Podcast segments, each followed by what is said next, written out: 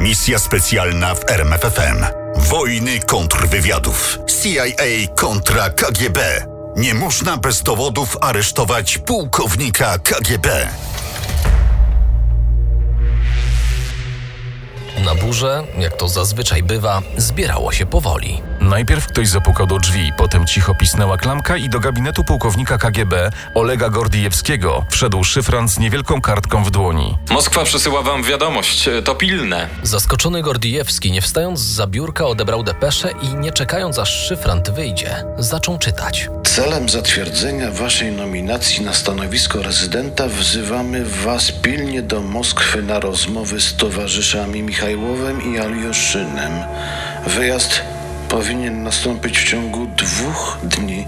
Tak nagłe i niespodziewane wezwanie wydało się Gordijewskiemu podejrzane. Przecież już w styczniu 85 roku, kiedy otrzymał nominację na stanowisko rezydenta KGB w Londynie, przeszedł wszystkie niezbędne rozmowy. Kilka razy był w Moskwie. Spotkał się z szefem KGB Wiktorem Czebrikowem i naczelnikiem pierwszego zarządu głównego Władimirem Kriuczkowem, bo to oni kryli się pod pseudonimami Michajłow i Alioszyn. Doszedł więc do wniosku, że to wezwanie nie miało sensu. O co chodzi tym razem? Pytał Gordijewski sam siebie. Chyba, że ktoś dowiedział się, że. A, ale nie, to niemożliwe. Przecież byłem ostrożny. A jednak niepokój pozostał, a w sekundę później nagle i niespodziewanie przerodził się w paraliżujący strach. Po plecach spłynęła mi struga potu. Na sekundę czy dwie zaćmiło mi wzrok.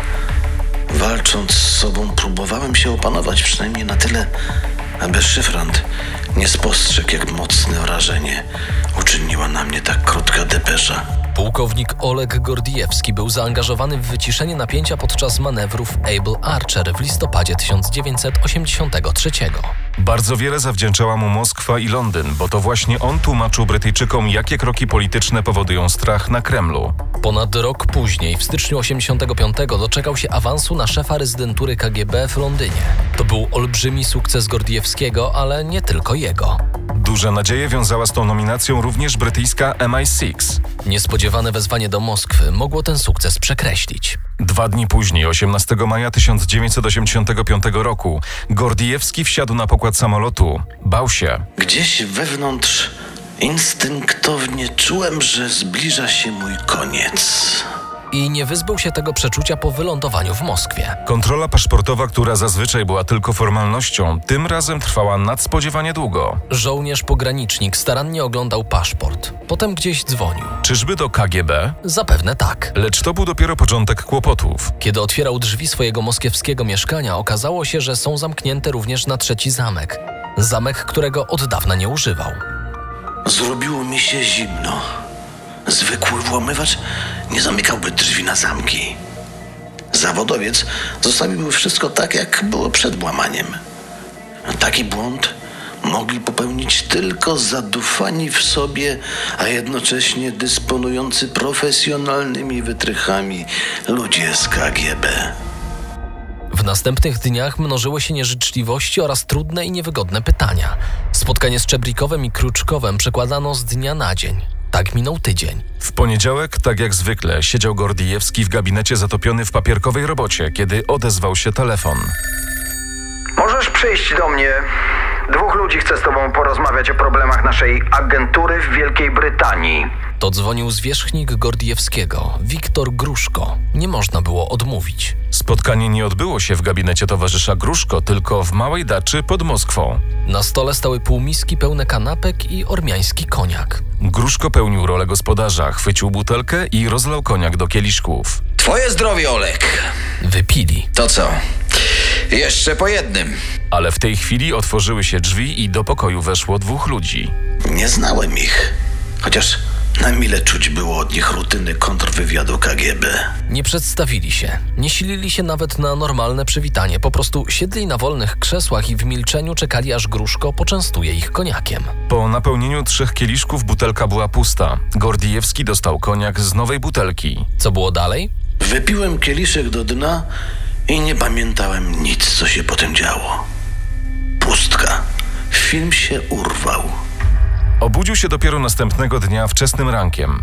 Jeśli do tej pory Gordiewski miał lichą nadzieję, że mimo wszystko nic złego wokół niego się nie dzieje, to właśnie się jej wyzbył. To była pułapka. Do koniaku dodano narkotyk. Jaki? Tego nie wiedział. Czuł się jednak tak jak po narkozie, z tym, że przypuszczał, iż przytomności nie stracił, natomiast mógł wyznać wszystko, co wiedział o agentach MI6 w londyńskiej rezydenturze KGB. Wiedzą, wszystko wiedzą. A to znaczy, że jestem skończony. Jednak gdy się uspokoił, gdy na zimno próbował przeanalizować fakty, doszedł do wniosku, że być może nie jest tak źle, jak się wydaje. Przecież nie został aresztowany. Dopiero po kilku dniach zaczął sobie przypominać fragmenty przesłuchania. Najpierw wyliczył, że przesłuchiwano go 5 godzin. Potem przypomniał sobie, jak śledczy z KGB przyznali, że zainstalowali mu w domu podsłuch. Wreszcie krytykowano go za to, że czyta niedozwolone w Związku Radzieckim książki Sołżenicyna. I to wszystko. Żadnych mocnych oskarżeń. Nadal dręczyło go jednak jedno pytanie. Dlaczego zaczęli mnie podejrzewać? Na to pytanie Gordiewski nie umiał znaleźć odpowiedzi ani tego dnia, ani następnego, kiedy na rozmowę zaprosił go Gruszko. Wiemy, że oszukiwaliście nas przez wiele lat. Gdybyście tylko wiedzieli, z jak niebywałego źródła dowiedzieliśmy się o was. O czym, a może o kim mówił Gruszko? Gordiewski nawet nie próbował zgadywać. Wiedział, jak niewiele wie o tajnych akcjach KGB w Londynie i w Wielkiej Brytanii. A może Przyszło mu do głowy. to wcale nie chodzi o Wielką Brytanię? Nie dręczył się dłużej tą myślą. Bez poszlak, a tym bardziej dowodów byłyby to tylko spekulacje. KGB miało agentów wszędzie, w Paryżu, w Brukseli czy w Waszyngtonie. Ale co oni mogli mieć wspólnego z Gordiewskim? Pozornie nic. Ale pozory często mogą mylić. Miesiąc wcześniej, 18 kwietnia 85 roku, oficer CIA, Aldrich Ames, zapukał do drzwi ambasady radzieckiej w Waszyngtonie. Ames nie był pierwszym lepszym oficerem, był szefem kontrwywiadu na Związek Radziecki. Dlaczego zdecydował się szpiegować dla wroga? Były trzy powody: pieniądze, pieniądze i naprawdę wielkie pieniądze. Kiedy Ames podpisywał ugodę rozwodową, nie wiedział, jak duży popełnił błąd. Zgodził się spłacić długi swojej żony i zapewnić jej miesięczne wynagrodzenie przez 3,5 roku. To go kosztowało 46 tysięcy dolarów. Do tego znalazła się jeszcze kochanka, kolumbijska miłośniczka mody. Jeśli wierzyć raportom FBI, miała 500 par butów, że o innych drobiazgach garderoby nie wspomnimy. To wszystko kosztowało, a z pensji oficera CIA trudno było zaspokoić te potrzeby. To właśnie te wymagania finansowe zmusiły mnie do poszukania zarobku u Rosjan.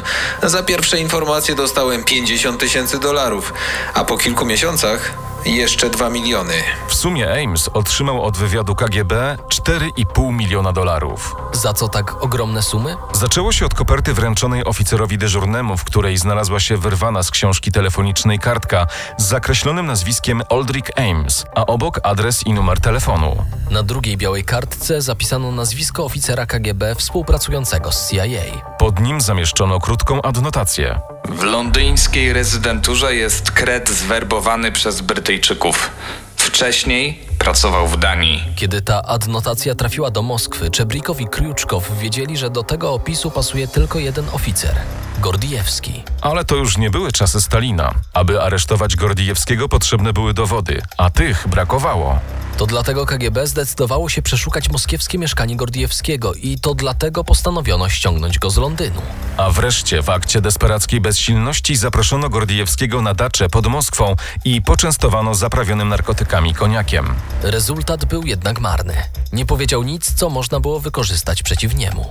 Ocaliło mnie to, że śledczy KGB nie znali nazwiska szpiega.